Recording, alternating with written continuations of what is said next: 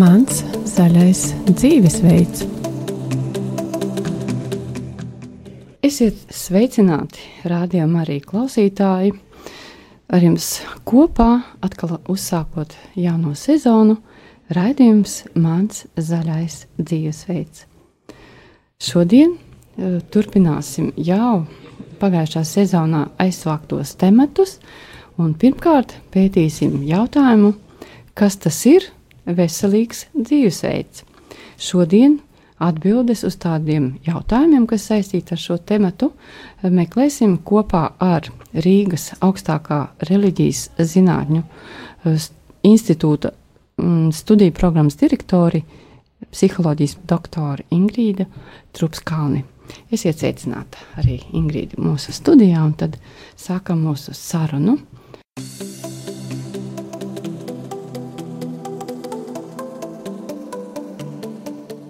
Lai saprastu, kas tas ir veselīgs dzīvesveids, mēģināsim vispirms saprast, kas tas ir veselība. Ko var saukt par veselību, ko var uzskatīt par labu veselību, jo definīcijas ir tik atšķirīgas. Uh, ka reizēm var arī tā mazliet apjukt. Un tad, Ingrīda, lūdzu. Jā, paldies par jautājumu, jo būtībā šis jau, jautāju, atbilde uz jautājumu par to, kas ir veselība, arī no šīs atbildes izrietēs arī to, uh, tas, kāds ir tad veselīgs dzīvesveids.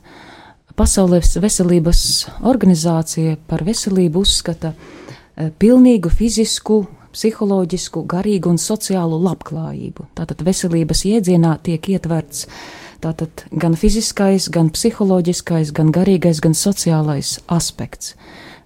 Veselība nav tikai slimību vai kaut kādu fizisku traucējumu nesamība, ka man nesāp galva, nesāp sirds vai, vai kā saka, visi locekļi ir, ir kārtībā. Veselība tā ir arī psiholoģiska, garīga un sociāla labklājība. Kas tad ir e, psiholoģiska labklājība? Psiholoģiska labklājība e, tā ir cilvēka spēja tikt galā ar negatīvām emocijām, ar stresu. Tā ir e, autonomijas, pašnoteikšanās izjūta, e, spēja tikt galā ar dažādām sarežģītām dzīves situācijām. Garīgā labklājība tā ir tātad cilvēka dzīves jēgas izpratne, spēja atbildēt uz eksistenciāliem jautājumiem, jo dažreiz pat tie cilvēkam nekas nesāp un, nu, kas saka, nav nekādu traucējumu, cilvēks var justies nelaimīgs un, un savā ziņā nevesels. Ja viņš nav spējis atbildēt uz jautājumiem, kāpēc es dzīvoju šīs pasaules un kāda ir mana dzīves jēga. Un sociālā labklājība, tās ir mūsu attiecības ar cilvēkiem, vai mums ir iespēja gūt sociālu atbalstu, vai, piemēram, problēmu gadījumā man ir ar kādu vai ir uh, iespējams ar kādu pārunāt manas šīs problēmas, uh, iespēja gūt atbalstu no citiem cilvēkiem. Tā ir kopiena, kurā mēs esam cilvēki, ar kuriem mēs esam kopā. Citiem vārdiem, uh, tas nozīmē, ka es jūtos labi visos šajos aspektos. Jā, jā, jā jūs ļoti pareizi sapratāt. Vienkāršiem vārdiem runājot, bet tas nozīmē, ka pavisam tas sākums ir pavisam vienkāršs. Sākt ar to, ka es mīlu sevi, mīlu citus, mīlu dzīvi. Un tas eh, vai šis, eh, te, nu, tā teikt, tas veids, kā es dzīvoju veselīgi, tā tad ir šī labklājība saistīts kaut kādā veidā ar pašapziņu, pašcieņu. Vai varētu to varbūt pastāstīt? Jā, tātad būtībā pašapziņa, pašcieņa tie ir e, psiholoģiskās labklājības stūrakmeņi. Ja mēs necienām sevi, nemīlam sevi, nepieņemam sevi, e, savas īpašības, savas iezīmes, tas arī liek justies mums slikti. Un, protams, nav varbūt tas galvenais slimību cēlonis, bet bieži vien ir traucējums, kāpēc cil, cilvēks neatveseļojas no kādas slimības vai kāpēc viņš izvēlas, piemēram, slimību kā bēgšanu veikšanas līdzekli, jā, lai, piemēram, pievērstu citu cilvēku uzmanību, jo ir dažreiz tā, ka mēs pievēršam uzmanību bērnam vai arī saviem ģimenes locekļiem, kad viņi ir slimi, un līdz ar to, kad viņiem ir viss labi, tad mēs viņus, kā saka, tā kā, varbūt ne, neparādām viņiem šo uzmanību un mīlestību, un dažreiz bērni izvēlas šo stratēģiju vienkārši. Um, izdomāt kādus simptomus, vai arī tiešām just šos simptomus. Jā, un šādā veidā slimība ir kā tāds kompensācijas līdzeklis, lai iegūtu šo psiholoģisko labklājību. Lai aizbēgtu no realitātes, kas ir nepatīkama reizēm. Bet, ja runājam arī par šo uzmanību, vai nevarētu būt tā, ka viss sākās ar uzmanību pašam pret sevi? Ar to laiku, eh, ko es pavadu pats vai pati ar sevi noskaidroju savus eksistenciālās pamatjautājumus, varbūt, nu, varbūt pat ne tik dziļi, vienkārši kaut kādas savas būtiskas jautājumus, kad, nu, jā, kad ir, es esmu ar sevi klusumā un mierā, un tad es eju tālāk pie citiem. Jā, tas ir ļoti būtiski, jo bieži vien mēs esam tik ļoti skrejoši, ka mums nav laika klusumam, nav laika attiecībām ar Dievu, nav laika pabūt eh, klusumā kopā ar Dievu, nav laika pabūt vienkārši pašam ar sevi. Un tas ir ļoti, ļoti būtiski tieši cilvēka psiholoģiskai labsajūtai. Bet mūsu vidē tas nav pārāk tāds eh, bieži sastopams fenomens. Cilvēki pārāk bieži nerunā par to, ka es plānoju laiku sev, un ka tas man priekš manis ir svarīgi. Un, ja kāds to dara, tad īstenībā es zinu, ka pat viens otrs neuzdrošinās citiem pateikt. Kā jūs to raugaties? Es atkal domāju, ka šīs klusuma saliņas mēs varam atrast. Bieži vien cilvēki ir transportā, un daudzi saka, ka, piemēram, viņiem laiks priekš sevis ir tad, kad viņi automašīnā brauc, piemēram, uz darbu vai no darba, jā, kad viņi ir vieni. Jā, vai arī braucot autobusā, vilcienā. Man pašai, piemēram, nākas katru, katru nedēļu braukt četras stundas vilcienā, un man tas ir vienkārši ļoti izcils laiks, kad es esmu kopā ar sevi. Es varu lūgties, varu lasīt, varu studēt, um, vērot dabu, dzīvniekus. Mm -hmm. Ka īstenībā laiks ar sevi tas ir brīnišķīgi. Tas ir vienkārši nepieciešams, lai cilvēks būtu vesels. Lai sakārtot savus failus galvā, ja tā Um, tātad šis jēdziens dzīvot veselīgi ietver Nu, tad daudz līmeņu. Jā, attiecībā uz failu sakārtošanu psiholoģijas pētījumi parāda, ka faili mūsu galvā vislabāk sakārtojas miegā. Tāpēc ir ļoti labi arī veselības stūrakmens ir atvēlēt pietiekošu laiku miegam. Vai tās ir astoņas stundas, kā ir rakstīts eh, grāmatās, tas ir individuāli. Kādam pietiek sešas stundas, kādam vajag desmit stundas. Ja? Tas ir saistīts ar viņa nervu sistēmas darbības tipu cilvēki ar trauslāku nervu sistēmu, jā, kuriem, piemēram, ir veģetatīvā distonija, tiem vajag nu, ļoti strikti atvēlēt noteiktu laiku miegam, nemazāk par astoņām stundām. Jā. Ir cilvēki ar stiprāku nervu sistēmu, un līdz ar to viņi var arī iztikt, piemēram, ar sešām stundām miega, bet tas katram pašam jānoskaidro. Un vēl ir tāda laika, eh, tāda. Mm, eh, Tāda īpašība, ka eh, šis fizioloģiskais fizioloģiskā nepieciešama pēc miega ir saistīta arī ar vecumu. Jo jaunāki cilvēki, jo vairāk vajadzīgs laika miegam, un jo vecāki, jo mm, tās stundas, kas ir paredzētas miegam, ir, ir mazākas. Interesanti. Tieši man likās, ka ir otrādi. Kāpēc? Nu, tā? ir problēmas ar miegu vecākiem cilvēkiem, un arī tas ir izpētīts, ka mm, vienkārši tas miega daudzums mazinās ar vecumu. Bet kādēļ jauniem cilvēkiem vajag vairāk? It kā viņiem taču vairāk resursu, vairāk spēku. Uh, nu, pavisam tādiem jauniem cilvēkiem tas ir saistīts saistīts ar augšanas hormonu. Augšanas hormons izstrādājas hipofīzē, un tas izstrādājas tieši miega laikā. Tāpēc, saka, bērni aug miegā, tas atbilst patiesībai. Bet, bet tie, kas jau vairs nav bērni, jau, jau jaunieši, un, un tā uz viņiem tad arī attiecās šis diezgan nu, ilgāks režīms miegam nepieciešams. Jauniešiem tad viņi mācās, studē, un viņiem, nu, kā saka, ļoti daudz informācijas. Jā, bieži vien pavada daudz laika pie kompjūtera, mm, apgūstot un, un, un, un kā saka, iegūstot lielus informācijas informācijas apjomus, un lai šī informācija nu, sastruktūrētos, mūsu atmiņā ir nepieciešams miegs. Vismaz ir bijuši pētījumi, eh, kas parāda to, ka ja mēs pēc jaunās vielas iegaumēšanas eh, paguļam, ja, tas uh, daudz labāk paliek mūsu atmiņā nekā tad, ja, piemēram, mēs dodamies kaut kādās citās dienas gaitās un darām kaut ko citu. Ja. Tad. Mm -hmm. Tā kā Pēc nopietnas sarunas jau bija viņa pagulēt. nu, pēc, pēc iemācītā ir vēlams pagulēt nedaudz. Un uh, vēl tāda, tāds jautājums par tiem veciem, vecākiem cilvēkiem, bet diezgan bieži dzirdu, ka tieši vecie cilvēki, viņi tā kā, nu, viņi agri ceļās, jo viņiem nav miera, nespēja gulēt. Vai tas tā vajadzētu arī būt? Varbūt, ka uh, viņš kaut kas saistīts arī ar savu tādu attieksmi un lēmumu, ka es, ka es mēģināšu tomēr tam miegam vairāk laika atvēlēt. Nu, fizioloģiski uz vecumu stundu skaits, kas ir uh, atvēlēts miegam, mazinās. Un kā nu kurš cilvēks ir radis, vai nu viņa agri ceļas uh, un agri iet gulēt līdz ar to, jā. Eh, dažreiz ir tā, ka naktī nevar aizmigt, bet pa dienu guļ. Mm. Tas ir veciem cilvēkiem raksturīgi. Līdzsvar tad atrod jā, tādā tad, veidā, jā, kad kompensēts ar to, ka dažas stundas paguļ dienā.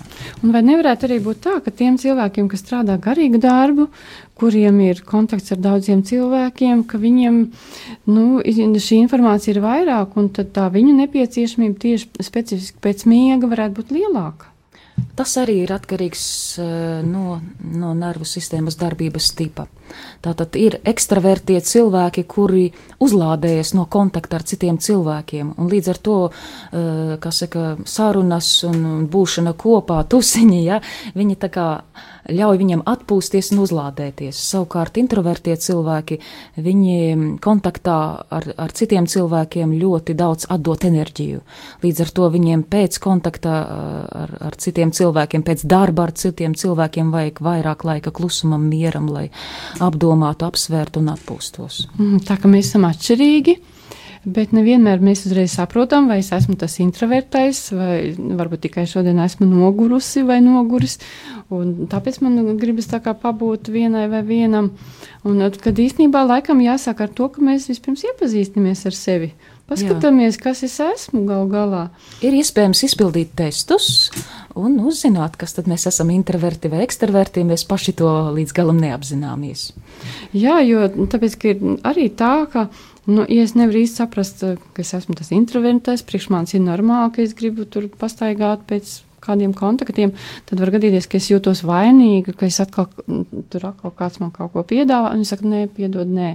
Jā, un tad nu, varbūt, kad, lai noņemtu šo vainu un kaut kādu nepreizo attieksmi, lai sev pieņemtu tādu, kāds es esmu, vai tāda, kāda esmu, tad ir, ir tiešām ļoti svarīgs šis um, te nu, tests varbūt tās nu, ne tieši nu, tā uz papīra rakstīts, bet varbūt dzīvē, kad es pārbaudu, paskatos, kas es esmu.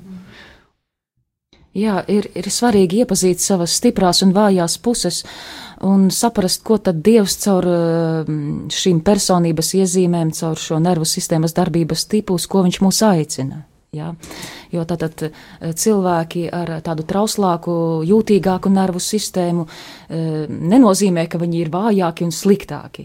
Viņi ir ļoti, viņi tver pasauli ļoti niansēti, viņi ir mākslinieciskie, dzējiskie tipi, jā. Arī cil, eh, tie, kas strādā ar cilvēkiem, kā psihoterapeiti, psihologi, viņi bieži vien ir ar ļoti jūtīgu nervu sistēmu, jā. Un līdz ar to mm, tas nav tikai vājums, jā, un Iepazīstot sevi un atbilstoši izvēloties nodarbošanās veidu, mēs spējam nest ļoti daudz laba. Jā, bet, ja mēs gribam vienkārši neņemt to vērā un darīt tā kā citi, vai tā kā mēs esam iedomājušies, tad mēs vienkārši paši iztukšojamies, sagraujam sevi gan psiholoģiski, gan arī fiziski, gan arī nespējam nest labumu citiem. Vai tu zini, kādas ir tavas vajadzības?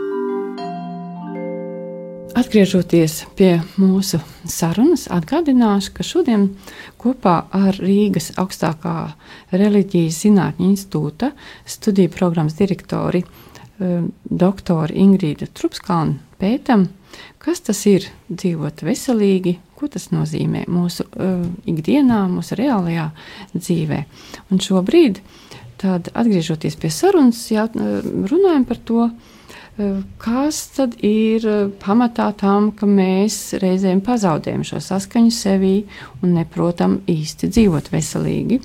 70. gados pēc Ingrīdas teiktā, ārsti ir sākuši pētīt šo fenomenu, no kurienes tad izcer šīs slimības. Un tad ir atrasts tāds mm, biopsihosociālais dzīves modelis, ko var uzskatīt par tādu labu paraugu, lai mēs eh, varētu tiešām dzīvot saskaņā ar sevi un būt veselīgi. Ingrīda, varētu lūgt jūs eh, pastāstīt par šo modeli. Jā, tātad 1970. gadā Džordžs Libmans Engels uh, postulēja slimību etioloģijas, jeb slimību izcelsmes biopsihosociālo modeli. Uh, kurš tātad eh, postulēja to, ka slimību izcelsmē ir svarīgi trīs faktori, jeb trīs faktoru grupas. Pirmkārt, tie ir bioloģiskie faktori, un tātad Jā, e, kas, kas tā kā slimības ceļās, nu, piemēram, no mikroorganismu, no vīrusu, jā, baktēriju darbības, jā, mhm. kaut kādas fiziskās traumas, jā, vai kaut kādi traucējumi mūsu organisma darbībā, kaut kādi hormoni neizdalās, vai, vai, vai, vai kā saka, asinsritē, kaut kādas traucējumi. Tātad šie te bioloģiskie organiskie faktori. Otrais tie ir psihoemocionālie faktori. Tātad cilvēka. Mm, emocionālais, emocionālais stāvoklis, jā, stress, depresija, tas arī ietekmē dažādu fizisko slimību rašanos un arī uh, norises smagumu. Un sociālie faktori, tātad Eh, tas ir sociālais atbalsts, kas mums ir pieejams. Vai cilvēks ir vientuļš, ja, un viņam nav tuvu cilvēku, vai viņam ir ģimene, vai viņam ir draugi, ar kuriem viņš ir kopā saistīts, vai viņš ir iesaistīts kādā kopienā, draudzē, vai viņš tātad, kādas ir dzimtas saites, ja, vai cilvēki palīdz viens otram ģimenē dzimtā. Tātad visi šie trīs faktori ir ļoti nozīmīgi tam, lai cilvēks būtu vesels un uh, arī palīdz uh, cilvēkam atvesaļoties no slimībām? Tad jāskatās uz visiem šiem trīs. Uh, un vēl gribētu Ingrīdi jautāt, um, diezgan bieži gadās arī dzirdēt tādu lietu, ka uh, cilvēki, nu, viņi slimo, bet arī, ka patiesībā jūs jau arī pieminējat to, ka viņa slimība ir viens veids, kā es aizbēgu no dzīves. Um, Tās var būt visādas, bet uh, mēs esam kādreiz arī runājuši savā, manā raidījumā par darba holismu. Tas arī viens tāds slimīgs uh, dzīves modelis. Un tad, uh, lai tomēr atrastu to motivāciju, kad nu, mēģināt dzīvot pilnvērtīgi, dzīvot skaisti un veselīgi, tad varbūt mēs varam atrast to atbildi uz jautājumu, kāpēc tad man vajag to veselību? Kas ir tas motivators? Tātad. Pavisam vienkārši. Jā. Būtībā vesels cilvēks, viņš spēja daudz labāk eh, gan eh, strādāt savā profesijā, kurā viņš ir aicināts, gan būt eh, daudz labāks ģimenes tēvs, māte vai kāds cits ģimenes loceklis, gan arī jebkurā kalpošanas veidā draudzē viņš spēja daudz labāk veikt savu darbu, ja viņš ir vesels. Būtībā veselība tā ir, nu, būtībā gan cilvēka pamatvajadzība, gan arī viena no pamatvērtībām. Protams, tā nevar būt kaut kāda virsvērtība, supervērtība, jā, ka mēs pārējo tā kā, nezinu, lai tik būtu vesels, nezinu, pārējo atmetam nost, jā. Man ļoti patīk teiciens, ja Dievs ir pirmajā vietā, tad viss ir savā vietā, jā. Dažreiz nākās, piemēram, riskēt ar savu veselību, un daudzi svētie, piemēram, ir kopuši tur, nezinu, mēra slimniekus vai, eh, kas saka, strādājuši arī, lai palīdzētu nabagiem, jā. Eh, tas nenozīmē veselību nostādīt, nu, pašā svarīgākajā, mm, augstākajā vietā. Tām prioritātēm jābūt sakārtotām pareizā jā, secībā. Jā, jā. Vispirms tās augstākās vērtības, kas ir garīgās, un tad, ja mēs skatāmies pareizā virzienā, tad arī visa cita dzīve sakārtojas, un mēs varam atrast to saskaņu. Jā, jo būtībā uh, nu, mēs nekad nebūsim uz šīs zemes pilnīgi veseli ir iedzimtais grēks, ir iedzimtā grēka sekas, līdz ar to nu, nu, absolūta veselība nav iespējama. Jā, cilvēks nedzīvos mūžīgi uz šīs pasaules, un kaut kad viņš nomirs, un ne jau vesels viņš nomirs. Jā. Līdz ar to, kas saka, tā ir utopija, ka dažreiz cilvēki ir pilnīgi nu, apsēsti, jā, tur ar, ar, ar, ar pareizu ēšanu un ar kaut kādiem vingrinājumiem un jogām un tā tālāk, un tā kā grib iegūt mūžīgu jaunību, mūžīgu veselību, un, un, un kas saka, būtībā tas var būt arī sava veida egoisms. Jā, Tas arī ir viens grāvis, kur dažreiz varbūt eh, daži labi iekrīt.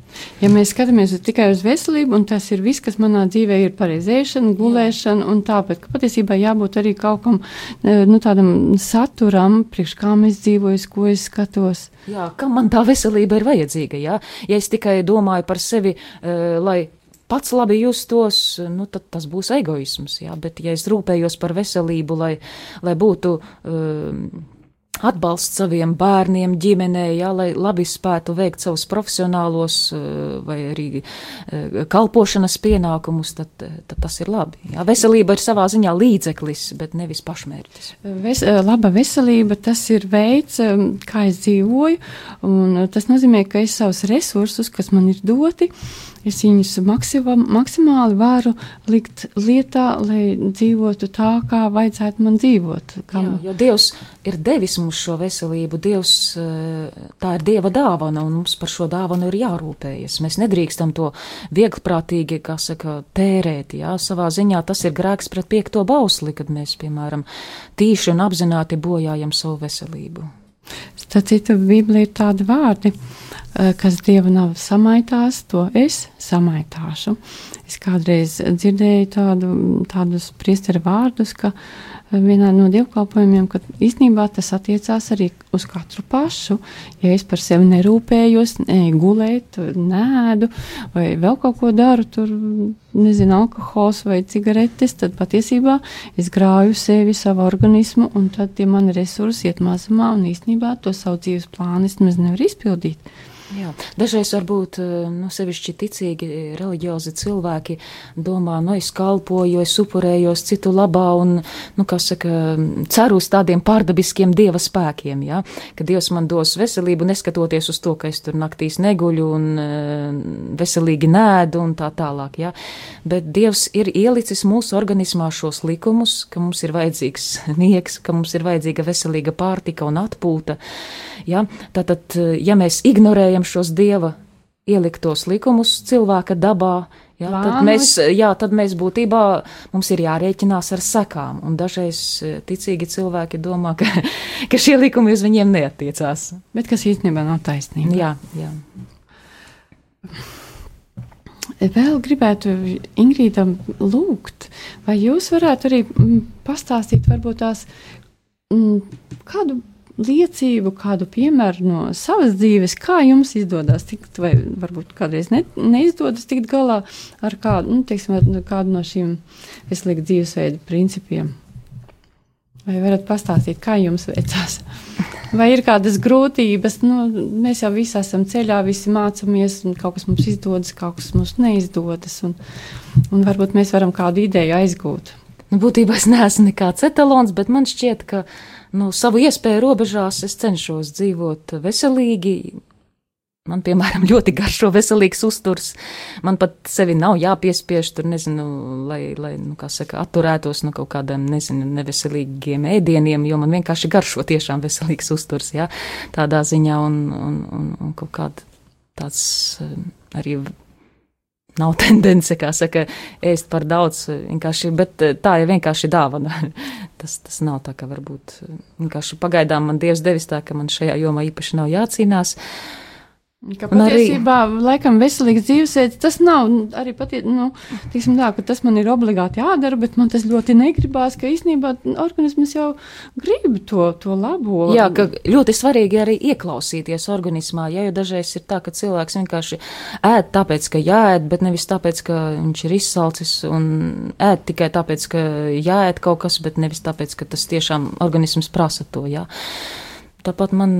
Nu, man ir arī tāds e, ieradums arī nu, savā ziņā veltīt laiku katru dienu dievkalpojumam, lūgšanai, un, un tas man palīdz arī varbūt to dienu Dievs sakārtot līdzsvaroti. Protams, gadās arī pārstrādāšanās, gadās arī varbūt, nu, kā saka, um, kas saka, kritieni vienā vai otrā grāvī, bet parasti tas tiek kaut kādā veidā līdzsvarots un kompensēts. Jo ir tā, ka, ja ir veltīts daudz laika darbam, tad arī jāatvēl laiks atpūtai. Ja, es cenšos kādu. Ir ieteikums arī, eh, ko psihologi iesaka, ka vienu mēnesi gadā ir jāvēl, jāatvēl laiks atpūtai. Tāpat arī vienu dienu nedēļā ir jāatvēl laiks atpūtai. Tāpat arī vismaz viena stunda dienā ir jāatvēl tiešām pilnvērtīgai atpūtai, um, um, saviem hobijiem, saviem vaļaspriekiem, lai vienkārši cilvēks justos labi. Jo dažreiz cilvēks varbūt dažreiz jūtās vainīgs, ka, ai, tagad es nedaru neviena labā. Jā, kā es tā jā, drīkstu, jā, kā es tā drīkstu šķiest laiku, bet es, jā, jā, bet vienkārši ir jāatvēl laiks pat tiešām nekā nedarīšanai, vienkārši pabūt uh, klusumā, palasīt, padarīt tiešām to, ko gribās. Jā. Vienkārši būt un Jā. priecāties un, Jā. un tā kaut un, kā jau teicu, es saku, izmantoju laiku klusumam vienatnē, tad, kad man tas tiek dots, jā, bet dažreiz pie tā ir īpaši jāpiestrādā, jo, jo dažreiz vienkārši par to laiku klusumam un lūkšanai ir jāpacīnās, jā. Jāpieņem lēmums. Jā, jā.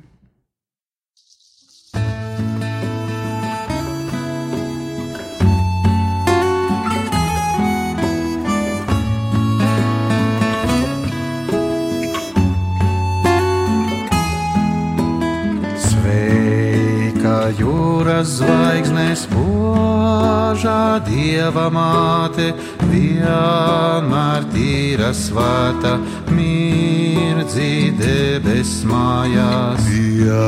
Pieņemot sveicienu tu no Gabriela vadi ievas bērnus pestīšanas ceļā. Sveika jūras zvaigzne,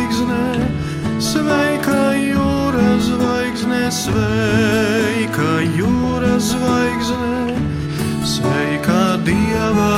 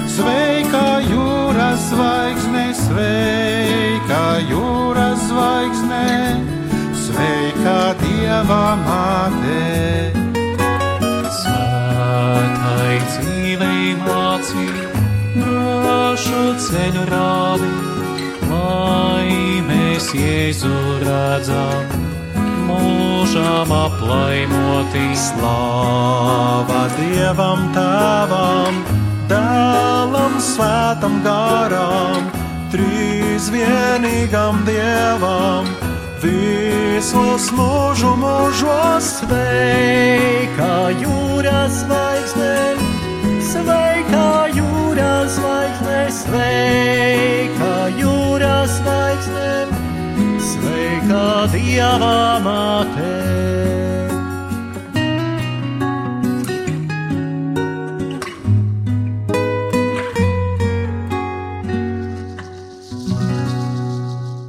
Sveicināti, Jāni!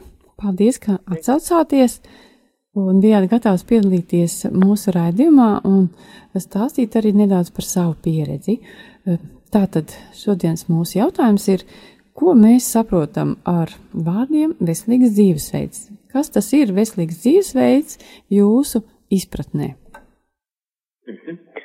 Nu jā, man tā šķiet personīgi domājot par veselīgu dzīvesveidu, ka tas ir dzīvesveids, kad es esmu um, dzīvo tādā balansā, um, salīdzinošā mierā, um, ka es varu pilnvērtīgi, es teiktu tā, un jēga pilni arī dzīvot. Tas ietvertu gan um, tātad rūpes par manu uh, ķermeni, uh, fizisko veselību un par to, lai būtu cik iespējams um, um, labi pārsts, bet tāpat laikā arī, lai būtu um, kā fiziskā aktivitāte um, vai kaut kas tam līdzīgs, lai, lai varētu cik iespējams normāli izgulēties bez kādiem stresiem, bez kādas steigas, nu, tā, ka, ko es saucu par tādu pilnvērtīgu um,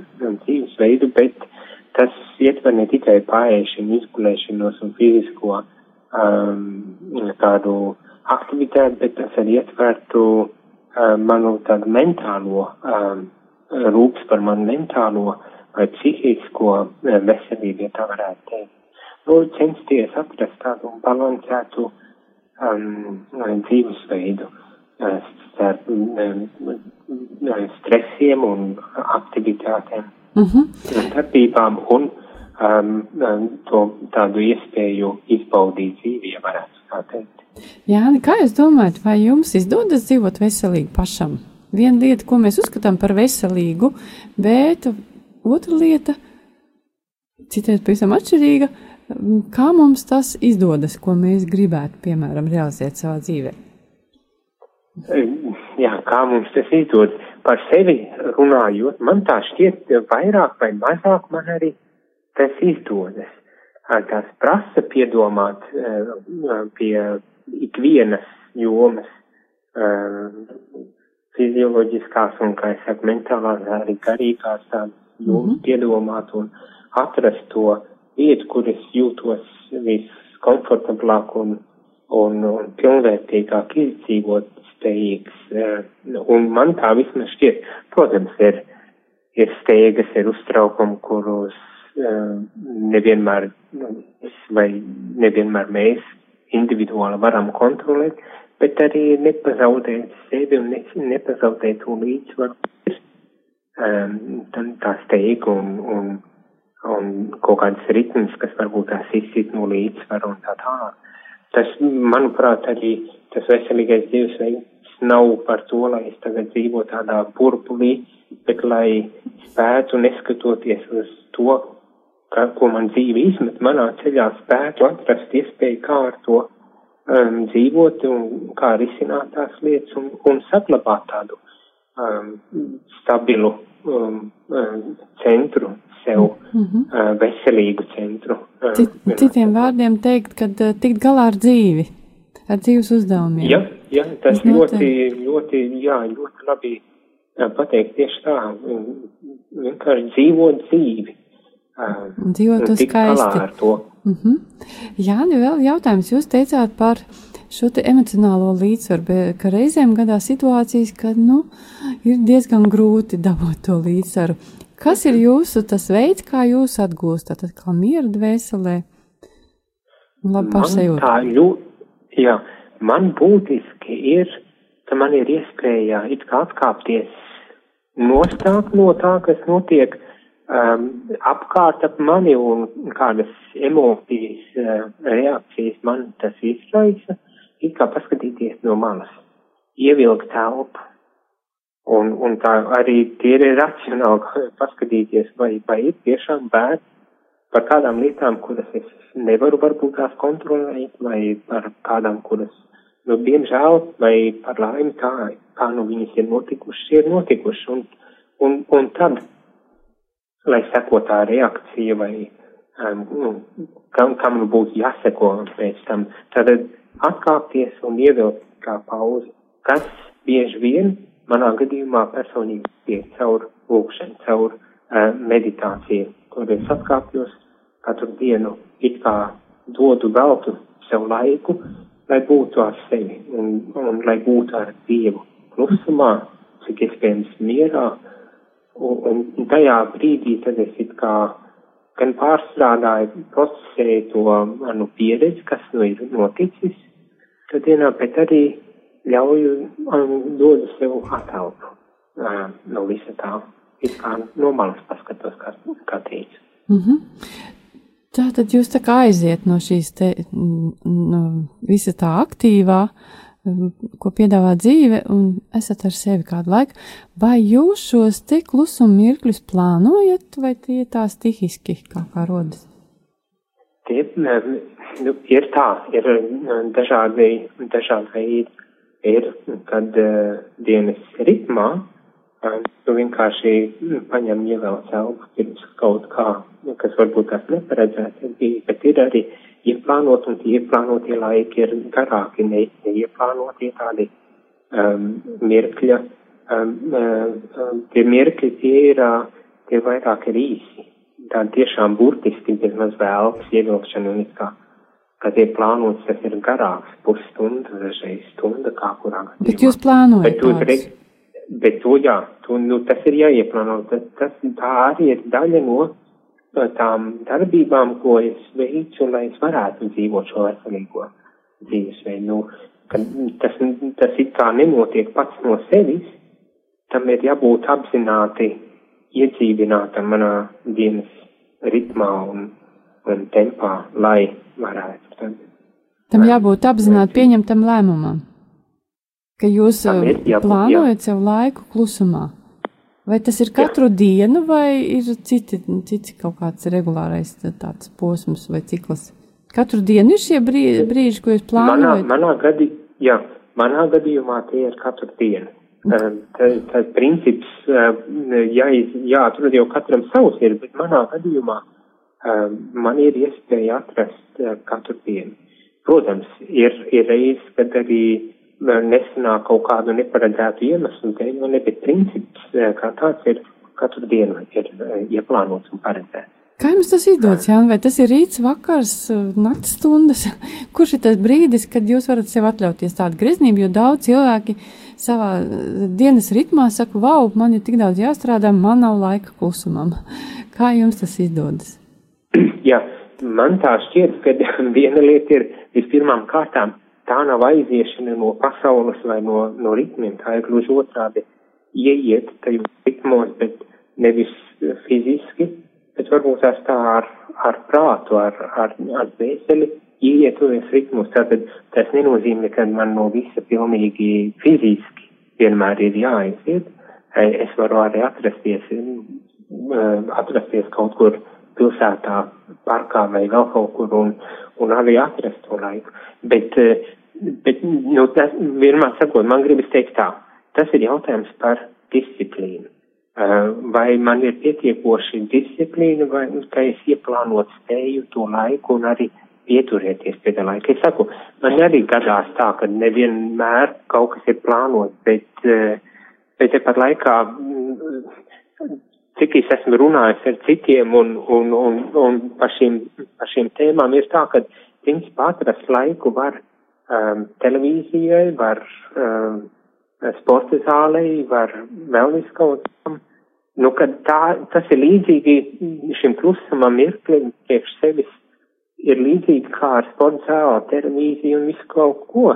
Nu, kad es ieplānoju to laiku, kad es, kad es varu, vai, Jā. vai tā vietā, kad man ir tas brīvāks laiks, vai vakarā, piemēram, es atnākot no darba, es tā vietā, lai es automātiski ieslēgtu televizoru, es paņemu pusstundu, vienkārši uztaisu um, tēju un pasēžu. Mm -hmm. um, neko nedarot, necenšoties tagad ieslēgt televizoru vai, vai kompjūteru vai vēl kaut ko, bet nē, es vienkārši uztaisu tēju. Um, protams, man. Sevi, ja? un, un pabūt ar sevi, jā, ar sevi, ar Dievu un, un veltīt šo laiku. Um, ir grūtāk, protams, ir, uh, kur ir daudz bērnu ģimenes vai um, kur tie dzīves apstākļi ir šaurāk, ka varbūt tās dzīvo dienā gribās. Tas ir daudz grūtāk tā vienkārši pabūt ar sevi, vai ne? Tas varētu būt par iemeslu, kādēļ varbūt tās uh, ir smagāk, grūtāk jāpiedomā daudz vairāk pie tā, kā es to varu panākt, bet princips kā tāds man šķiet, ka tas vairāk atkarīgs, vai es ir nospraužuši sev kā mērķi. No attieksmes. Pabūt. No attieksmes. Jā, tieši tā. Man to vajag, es pieņemu tādu lēmumu un pas, izdomāju, kurā, kurš ir tas laiks, kad, kad es jau pie, pie, nu, to dodu šo te, eh, kad es nu, piešķiru sev šo laiku.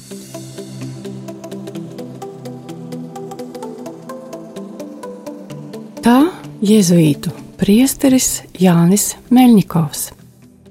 Šobrīd rādījums izskan Bet jautājums paliek, ko man nozīmē dzīvot veselīgi, vai es par to domāju, vai manā dzīvē ir vieta šādam jautājumam, kā man tas izdodas, vai varbūt neizdodas. Un šajā brīdī es arī atvados līdz nākamajai reizei. Ar jums kopā bija Daiga Lakotko.